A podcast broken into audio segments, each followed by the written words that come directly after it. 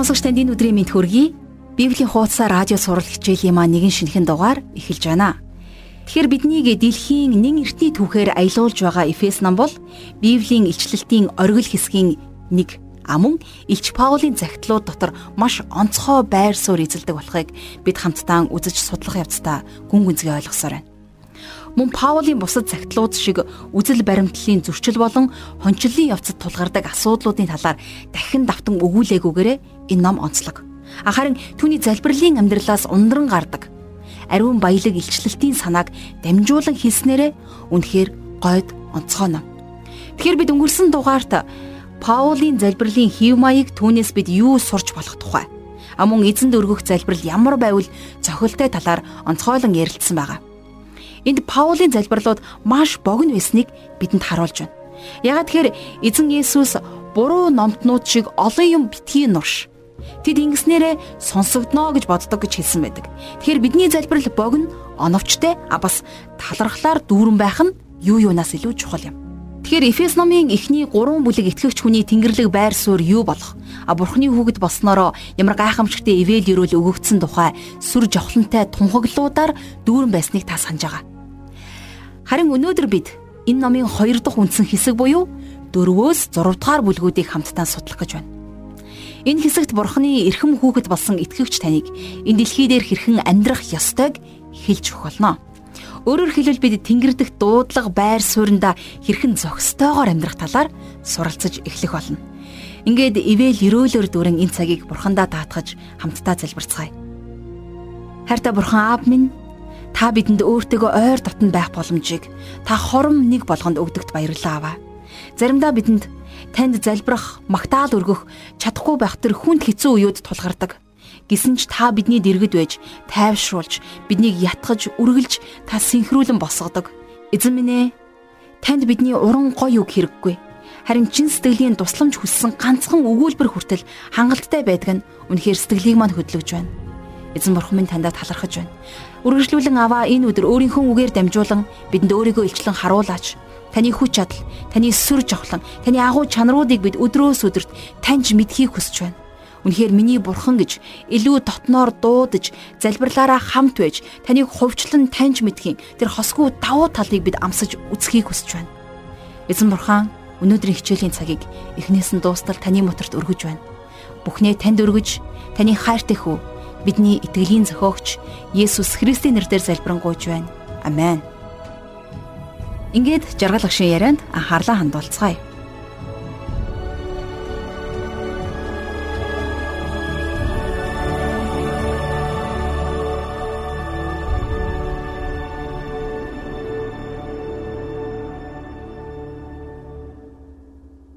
За өнөөдрийнхөө хичээлээр бид Эфесчүүдэд бичигдсэн загтлын цоо шин хэсгийг эхэлж байгаа. Тэгэхээр Эфес ном маань өөрөө 6 бүлэгтэй. Харин Эфес номын сүүлийн 3 бүлгийн гол агуулга бол чуулганы болон хүний энэ дэлхийд гүйцэтгэх үүрэг байр суурийн тухай өгүүлсэн хүүрнэл байдаг. За өмнө нь бид нэр итгэгч хүнийг дуудсан яруу алдартай тэнгэрлэг дуудлагын тухай үзсэн бол харин өнөөдөр тэдний энэ доор дэлхий дээрх амьдрал ямар байх зохистой талаар үзэх гэж байна. А гэхдээ энэ бол дэлхийлэг амьдрал биш. Харин Христэд итгэгч хүний дэлхий дээрх амьдрал ямар байх ёстой вэ гэдэг тухай юм. Бидний чуулган гэж нэрлэж байгаа үнэн итгэгчт нь Христийн дор Тэнгэрлэг оршихуйд амьдарч байгаа. Христ бол биеийн тэргүүн. Тийм учраас тэр Бурхны баруун гар талд өнөөдөр залран байгаа. Харин чуулган бол энэ доор дэлхий дээр амьдардаг тийм ээ. Тэгэхээр нэгээс 3 дугаар бүлэг дээр бол бид нар чуулганы дуудлага, чуулганы бүтэц болон бүрэлдэхүүний талаар үздсэн. А тэгвэл сүүлийн энэ хэсэгт чуулганы үүрэг чуулган тохиолддог зөрчлүүдийн талаар үзэх гэж байна. Чуулган бол шинэ хүн. Цаашид чуулган сүд бүсгүй мэт байх бөгөөд чуулган нь Есүс Христийн бас нөгөө талаараа сайн цэрэг юм. За Эфес номын эхний 3 бүлэг дээр бол бурхан хинт ч хэрэггүй байсан гим нүгэлтэд биднийг хэрхэн хувирхан өөрчилж сүр жавхлантай алдрыг тээгч болгосныг бид нар үзсэн тийм ээ. За магадгүй яг энэ сэдв бол шинэ гэрээн дэх хамгийн сүнслэг өндөрлөг байгаа бах. бид нэр тэдгэр бүлгүүд дээр тэгж их цаг зарцуулсан нь ийм л учиртай байсан. Харин Эфес номын сүүлчийн 3 бүлэг дээр сатаны иргэшээлд байгаа дэлхийн ертөнц болон сатаны боолчлолд байгаа хүмүүсийн талаар дурдсан байдаг. Уулын оргил тунхлагдсан үннийг бид нэр яг бодит амьдрал дээр яаж болгох вэ? Бидний ам ажил хоёр яаж зөрөхгүй байх вэ? Та бид нар энэ дэлхийд яаж бурханд таалагдах амьдралаар амьдрах вэ? Мэдээж итгэж болсныхон хувьд та эдгээр асуултуудыг өөрөөсөө байнга тавьдаг байх уу? Бид нарыг энэ дэлхий дээр алхаж яваа болохоос энэ дэлхийх бишээ гэж Есүс их тодорхой хэлсэн байдаг. Тэгэхээр Эфес ном бол хуучин гэрээний Йошуа номтой теологийн хувьд ижилхэн утга санааг агуулдаг гэж би дээр ярьж байсан тийм ээ. Харин одоо бид нэр тэдгээр үнний мэдлэгийг хэрхэн яаж энэ дэлхийд цацраах вэ гэдэг байр суурин дээр ирээд байна гэсэн үг. За өөрөөр хэлэх юм бол Авраам, Исаак, Яаков, Мосед өгсөн амлалтын улмаас Йошуа амлалтын тэр газар руу орсон шүү дээ. За тэгээд амлалтаар дамжин Йошуад энэ эрх мэдлэг өгсөн байсан. Энүүгээр тэрээр Йордан голыг гатлан Израилийн ард түмнийг амлалтын газарт хүргэж аваачсан юм. Тэгэхээр Йорданыг гаталсан Израильчуудын тэрхүү үйл явдал бол Христийн үхэл түүний оршуулга болон амьлалтыг бэлэгддэг. Бид нэр энэ итгэлээрээ дамжуулан амлалтын газарт аваачигдсан. Тэгэхээр та бидний амьдрах ёстой газар болвол энэ. Йошуа энэ газрыг эзэмшин авч энэ газарт л ивэлийг хүртэх учиртай байсан. Эзэмшил гэдэг нь Йошуа номны түлхүүр за их том ойлголт байсан. Хэдийгээр тэрний замд олон дайснууд саад бэрхшээлүүд тохиолдох боловч Йошуа ялалт байгуулж эзлэх ёстой болдог шүү дээ. Тэгэхээр байр суурь гэдэг үг бол Эфес номын эхний хэсгийн түлхүүр үг байсан. Өөрөөр хэлэх юм бол Бурхан биднийг алив сүнслэг өрөөлөөр өрөөсөн гэдэг нь биднийг Бурханы дотор хинбэ гэдгийг тодорхойлсон тодорхойлт байсан тийм ээ. Тэгэхээр Бурхан биднийг бүх өрөөлөөр өрөөсөн. Харин бид нар энэ доор газар дэлхий дээр тэдгэр өрөөлүүдийг эдлэн алхаж чадаж байна уу? Израилийн хүүгүүдэд газрыг өгөх амлалт өгөгдсөн ч гэсэн харин тэд нар тийшээ орох хүртлээр тэр газарт хизээч орохгүй мэд санаж явсан шүү дээ. За жишээлх юм бол Йошуа номын 1-р бүлгийн 3-р эшлэлдэр Бурхан Йошуад ингэж хэлсэн тийм ээ. Хөлийн чинь уул гიშгэх газар бүрийг би Мосед амласныхаа дагуу та нарт нэгэнт өгсөн билээ. Йошуа тэр бүгд чинийх. Харин чи зөвхөн гიშгсэн газараа л авах болно гэж хэлсэн байна. Тэгэхэр аан гэж сонсож байгаарай. Итгэгч хүмүүс одоо хөдөлж тэнгэр дэх алив сүнслэг өрөөлөг эзэмших нандин боломжтой гэдгээ санах хэрэгтэй. За гисэн ч гэсэн Христийн доторх яндашгүй баялагийг Бурхны үг болох сүнслэг луужингаар хайж олох ёстой. Тэгэхээр Паулийн Эфесчүүдэд бичсэн загтал өдгөө хүртэл алдарт тунхаглуудыг зарлан тунхаглаж байсан бол харин одоо энд тушаалуудыг өгсөн байна. Тийм өндөр байр суурьнд дуудагдан заларсан биднэрт Тэрхүү дуудлагада зохистой амьдралаар амьдрах тушаалыг Эфес номын 2 дугаар хэсэгт өгсөн байна. Тэгэхээр зарим хүмүүс энэ загтлын 1-р хэсгээс л зуурч бодит амьдралаас хол. За нэг л их супер тэнгэрлэг ариун хүмүүс шиг байх гад байдаг. Тэгэхээр бид Христэд итгэдэг өөрийнхөө итгэлийг хэрхэн амьдрах тал дээр Эфес номын бодит амьдралд хэрэгжүүлэх ёстой. Тэр амьдралын хэрэгжүүлэлт рүү яг одоо орж ирнэ гэсэн үг. За энэ дөрөвдүгээр бүлэг дээр чуулганыг шинэ хүнээр дүрсэлсэн байдаг. Тэгэхээр шинэ хүн дэлхий дээр харагдахуйц, үзэгдэхүйц байх ёстой. Гэхдээ энт мэдээж Бурхны сүнс зөвхөн аврагдсан хүмүүст хандан ярьж байгаа гэдгийг санаарай. Хэрвээ сонсогчдаа Христэд хараахан итгээгүй байгаа бол Бурхан энэ загтал бичигдсэн зүйлсийг танаас хий гэж шаарддаг. Тэгэхээр эхлээд та Христээр дамжин Бурхны хүүхэд болох ёстой. Та түүний биеийн гишүүн болох учиртай. За энэ цагтлын сүүл хэсэгт гарч байгаа эдгээр үгс нь золигдсон үнний үгийг сонссон хүмүүст л зориулагдсан байна. Тэгэхээр яв гэж хичнээн шаардаж шахсан ч гэсэн өгсөн хүн хизээж явж чадахгүй шүү дээ. Өгсөн хүн эхлээд амьлах ёстой. Тэгэхээр Паул бидний гим нүгэл болон тэрслэл дотроо өгсөн байсан гэж хэлсэн. Энэ бол бидний хуучин амьдрал тийм ээ. А цэргийн дарга оршуулгын газарт очоод анхаар алхаад марш гэвэл мэдээж ямар ч цэрэг алхахгүй. Үгсэн учраас хөдлөхгүй нь ойлгомжтой. Тийм учраас тэд эхлээд амьлах ёстой, тийм биз? Дэлхийн шашнууд өгөж байгаа дэлхийд ямар нэгэн зүйл хий, тэгвэл чи хэн нэгэн болно гэж хэлдэг нь үнэхээр сонирн баг юм. Харин бүхний бүтээсэн цорын ганц бурхан яг л энэний эсрэгээр нь хэн нэгэн бол тэгвэл чи ямарваа нэгэн зүйлийг хийж чадна гэж хэлдэг юм. Хэрвээ та христчин биш бол зүгээр л хажуу тийшээ болоод сонсож байгаарай. А хэрвээ та Христэд итгэх гэж байгаа бол Бурхан танаас юу хийхийг хүсэж байгааг мэдэх болно. Тэгээ та эргэн тойрны хараад ариун хүмүүс буюу итгэгч нар Бурханы хүсснээр амьдрч байна уу үгүй юу гэдгийг мэдэх болно. За нилээд дэлгэрэнгүй оршил хийж эхлэе. Одоо хамтдаа Эфес номынхон 4-р бүлгийн 1-р ишлэлийг уншъя. Иймд та нар дуудагдсан тэрхүү дуудлагада зүү зохистой явахыг эзний хоригдол би хичээнгүүлэн ятгая. За эхлээд иймд гэсэн үгээр эхэлж байна тийм ээ. За иймд гэсэн үг бол холбоос үг. Загтлын эхний 3 бүлэгт гарсан Бурхны та бидний төлөө хийсэн үйлстэй холбохын тулд Паул иймд гэж хэлсэн байна. За хоёрдугаарт нь Паул өөрийгөө эзний хоригдл гэж хэлсэн. Тэр Христ доторх байр суурьнаас болоод Христийн хоригдл болсон гэж өөрийгөө нэрлэж байна.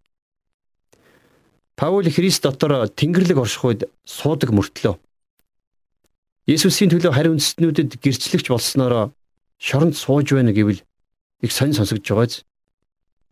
За дараагаар нь Паул ингэж хэлсэн байна тийм ээ. Дуудагдсан тэрхүү дуудлагада зүү зохистой явахыг би хичээнгүүлэн ятхан гуяа гэж.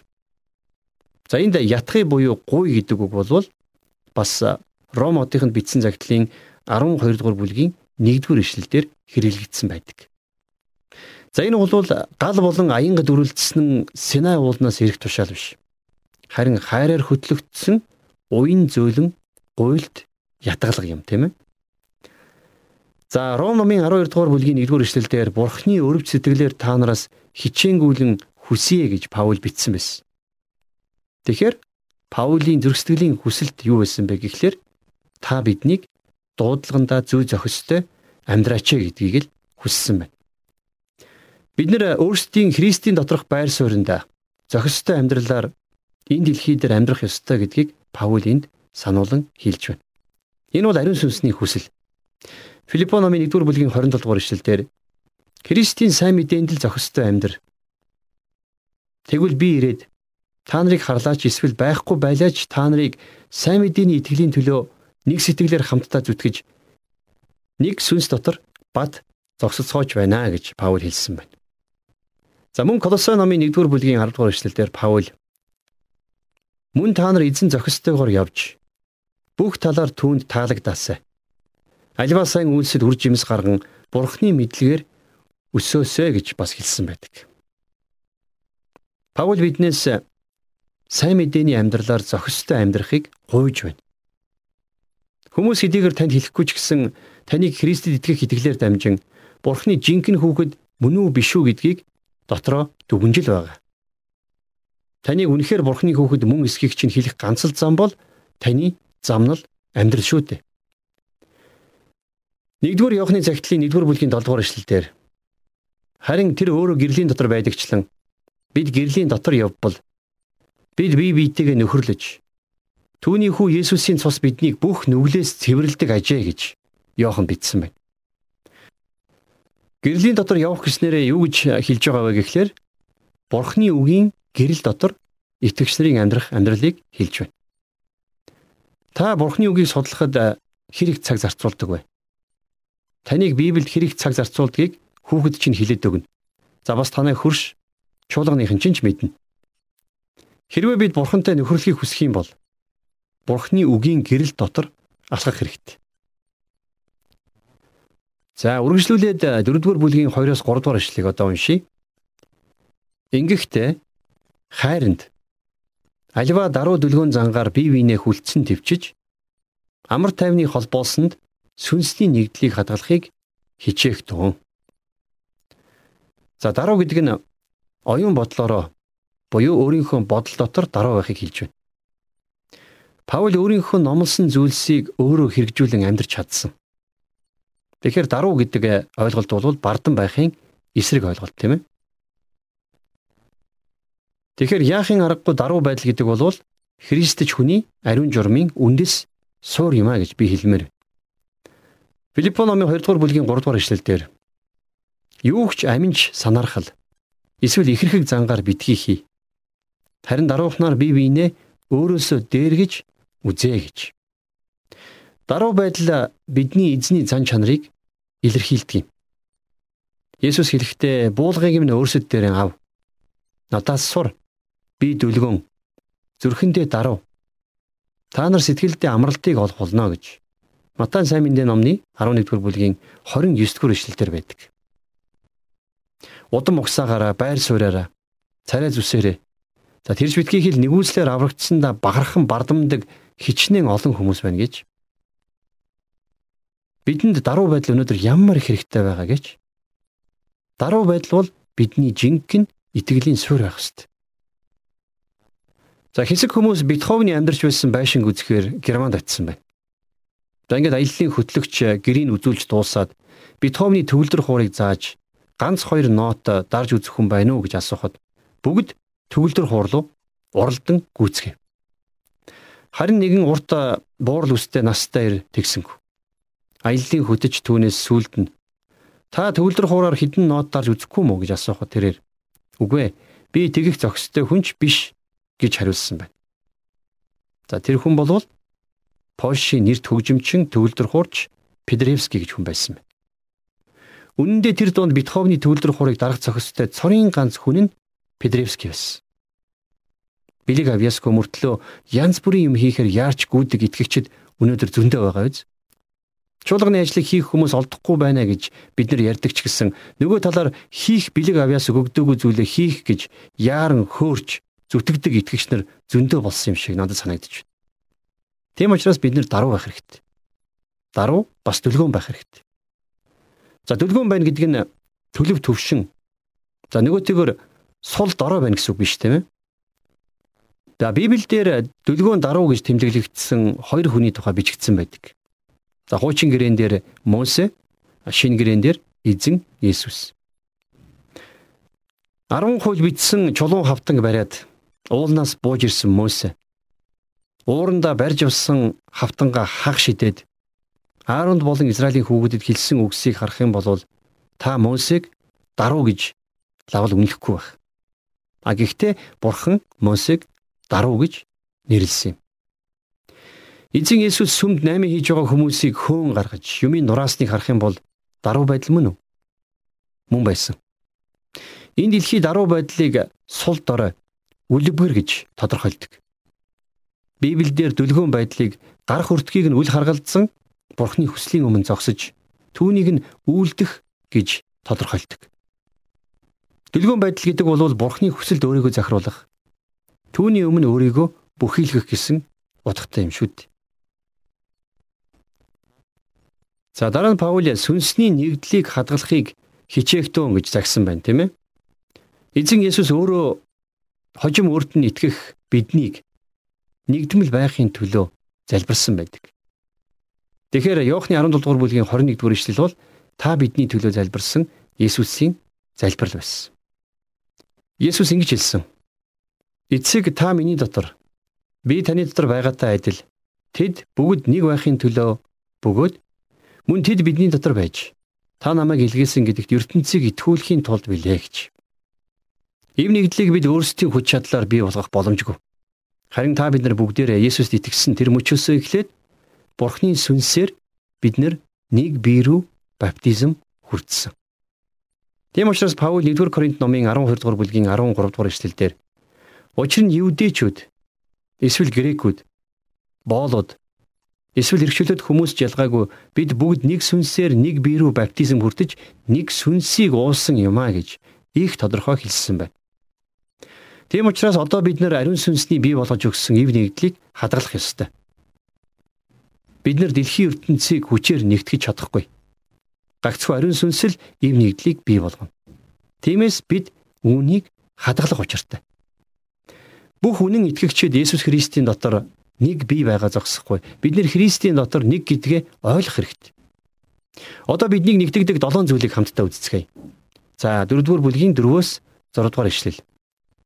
Та нар дуудлагынхаа нэг л найдвар дуудагдсны адил нэг бие, нэг сүнс, нэг эзэн, нэг итгэл, нэг баптизм, нэг бурхан байна. Тэр бол бүгдийн эцэг бөгөөд бүгдийн дээр бүгдээр дамжин бүгдийн дотор байдгаа гэж Паул хэлсэн байна. За нэгдүгüрт нь Паул нэг бие гэж хэлсэн тийм ээ. За энэ анхны чуулган Пентекост өдөр төрсөн тэр өдрөөс хойш бидний дараа үеийн итгэгчдийг бүгдээр ингэ хамруулж нэг бие гэж хэлж байна. За хоёрдугаарт нь Паул нэг сүнс гэж хэлсэн. Итгэгчдийг нэг бие болгон баптизм хүртээсэн ариун сүнсийг Паул энд нэг сүнс гэж хэлсэн байна, тийм ээ. Тэгэхээр ариун сүнсний ажил нь итгэгчдийг Христийн дотор нэг байлгах явдал байдаг. Харин энэ ив нэгдлийг итгэгчид өөрсдөө хадгалж байх үүрэгт. За гуравдугаарт нэг л найдвар гэж хэлсэн байна. За бүх итгэгчдийн өмнө тавигдсан Бурхны зорилгыг хэлж байна. Христэд итгэсэн хүн болгон энэ дэлхийгээс Христийн орших тэр газар руу аваачдах болно. Энэ бол бидний итгэдэг тэрхүү найдвар. За дөрөвдүгürt нэг эзэн гэж хэлсэн байна. Мэдээж эзэн Есүс Христийг хэлж байна. Тэгэхээр Есүс Христийн суурин дээр чуулган ив нэгдэлтэйгээр оршин тогтнодог. За 5 дугаарт Паул нэг итгэл гэж хэлсэн. Илч нарын сургаал үнний их булаг цөм ойлголт. Бидний итгэл бүгдээрээ нэг.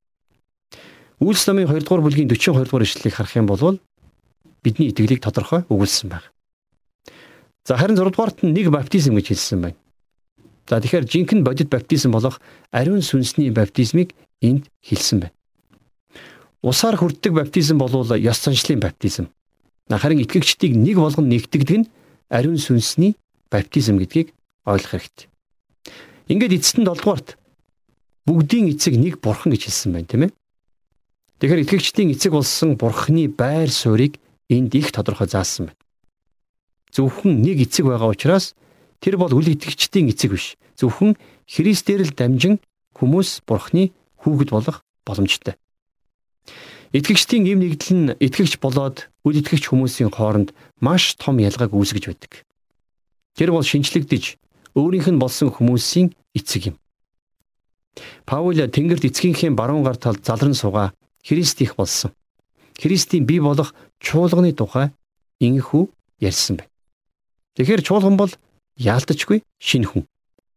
Энэ бол урд нь илэрхийлэгдээгүй боловч одоо нэгэнд илэрхий болсон Бурхны нууц.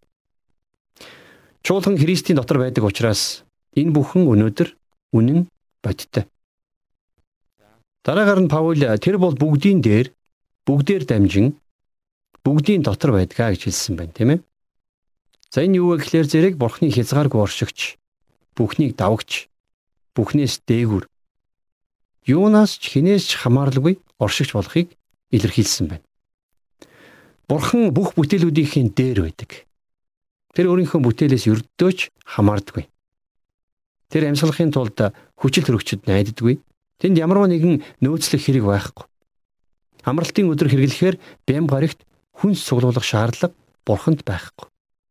Бурхан бол хязгааргүй оршигч, бүхний дээгүр, бүхнийг давагч.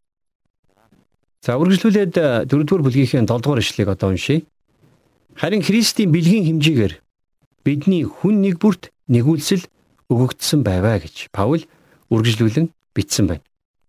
Тэгэхээр Ром номын 12 дугаар бүлэг за 1-р Коринтын 12-оос 14-р бүлгийг харах юм бол Бурхан өөрт нь итгэсэн хүмүүст бэлэг авьяасуудыг тарааж өгсөн байдаг. Хэдийгээр итгэгч нар сүнсний ив нэгдлийг хадгалах ёстой ч гэсэн нэгэн хэвэн цутгсан мэд нэг нэгнийхээ хуулбар бай гэсэн утга санаа өрдөөсөө биш. Итгэгч болгонд бэлэг өгөгдсөн нь тэд нар өөр өөрийн тодорхой замаар биед хувь нэмрээ оруулахын тулд юм шүү дээ.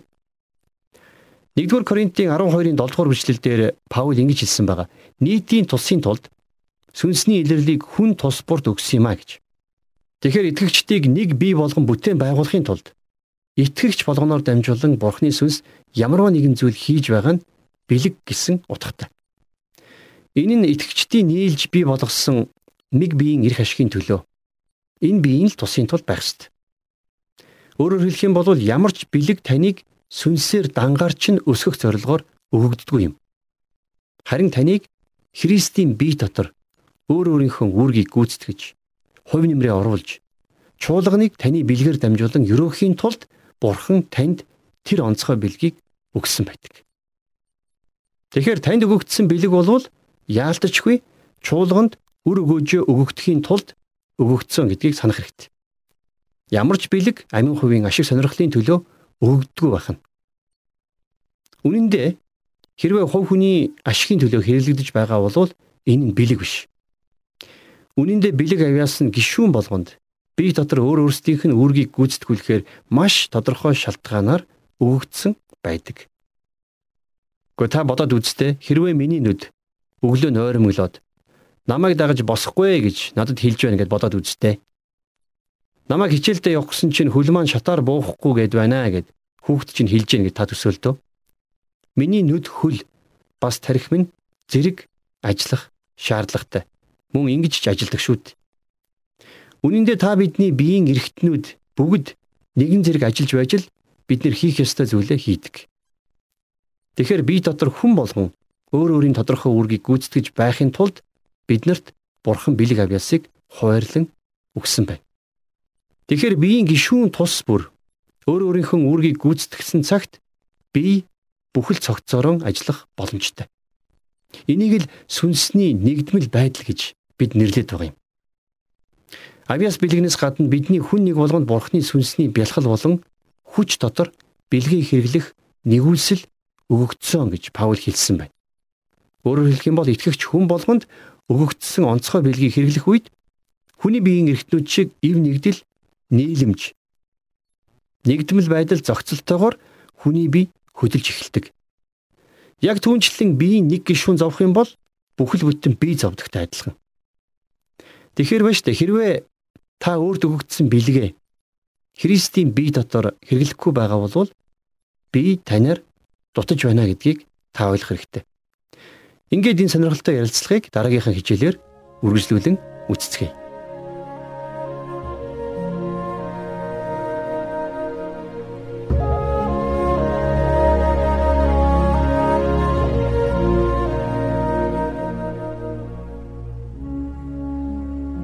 Тэгэхээр чуулганы болон хүний энэ дэлхийд гүйцэтгэх үүрэг байр суурийн тухай өнөөдөр бид маш чухал хичээлийг үзлээ. Тэгэхээр итгэгч бидэнд энэ ертөнцөөс илүү эрхэмдээд Бурхны оршихуй биднийг сахин хамгаалж байдгийг мэдэх нь үнэхээр гайхамшигтай. Итгэгч хүний ам амьдрал хоёр зүрх ёсгүй гэж бид ярьдаг. Тиймээс дэлхий дээр хэрхэн бурханд тааламжтай амьдрах вэ гэж бүгд хичээцгээдэг. Хэдийгээр бид энд байгаач дэлхийх бишээ гэж эзэн маань хэдийний амласан шүү дээ. Ягаад тэгэхээр бид итгэлээрээ дамжуулан амлалтын газарт аваачигдсан хүмүүс. Бурхан биднийг бүхий л сүнслэг өрөөлөөр өрөөсөн. Харин бид энд түүний өгсөн өрөөлүүдийг эдлэн алхаж чадж байна уу? Хэрвээ та Христийн доторх агуу их баялагийг сүнслэг алхаагаар алхаж ирж хайхгүй байгаа бол олдохгүй юм аа. Жаргалагч энэ хичээлээр үл үзэгдэг чуулганы гişүүдийн талаар нилээд хатуу шүмжилсэн. Үл үзэгдэг итгэгчдийг тэр бүр нүдэнд харагдтал хилж өгсөн болохоор та тэдний нэг байхаас сэрэмжлээрэй. Харин харагдахуйц үзэгдэхүйц байж үг үйлдэлээрээ бурхныг бодтой гэрчлэх нь бидний сэтгэл хөдлөм гайхамшигтай үзэсгэлэнтэй дүр зураг юм. Үнэхээр биднийг бурхны хүүхэд мөн эсхийг мань харуулах цорын ганц зүйл бол бидний итгэлийн амьдрал. Тэгэхээр бурхны тэр агуу гайхамшигтай үгийн гэрэлд үзэгдэхүйцээр амьдрцгаая. Энэ хүрээд өнөөдрийн хичээл маань өндөрлөж байна. Харин сонсон сурсан болгоныхоо төлөө Бурханд талархах цаг гаргацгаая. Бурхан Аава таньда өнөөдрийн төлөө, өнөөдрийн хичээлийн төлөө талархаж байна. Та бидэнд өөрийгөө илчлэн ойлгуулж, та бидэнд илчлэн харуулсаар байгаад баярлалаа аваа. Бид сул дорой учраас таныг таньж мэдэх боломжгүй байсан. Харин та биднийг үл үзэгдэх нэгэн байхаас хамгаалж өгөөч. Өдрө болгон үгээрээ босгож, замчлан хөтлөөч гэж гуйж байна. Эзэн минь ээ, та биднийг өршөөж, өөрийнхөө бүтээлүүдээр, өөрийнхөө үг тушаалуудаар, өөрийнхөө илгээсэн аврагч Иесус Христээр дамжуулан та биднийг удирдан чиглүүлж, та өөрийгөө хангалттай илчлэн өгөөрэй аваа. Танд итгэж, таныг хүлээн авсан бид өдөр бүр таныг гэрчилж, өдөр болгон таныг тунхаглаж амьдрахыг бид хүсэж байна. Аваа та бидэнд туслаач. Бид үүнийг туршлагаараа, бид үүнийг өөрт байгаа давуу талаараа биш. Бид өөрсдийн хүч чадлаараа биш. Харин таны ариун сүнсний эрх чадлаар үүнийг хиймээр байна. Бүх зүйлийн төлөө тань талархаж, бүгдийгээ танд өргөж, эзэн Есүсийн нэрээр залбирanгуйч байна. Амен.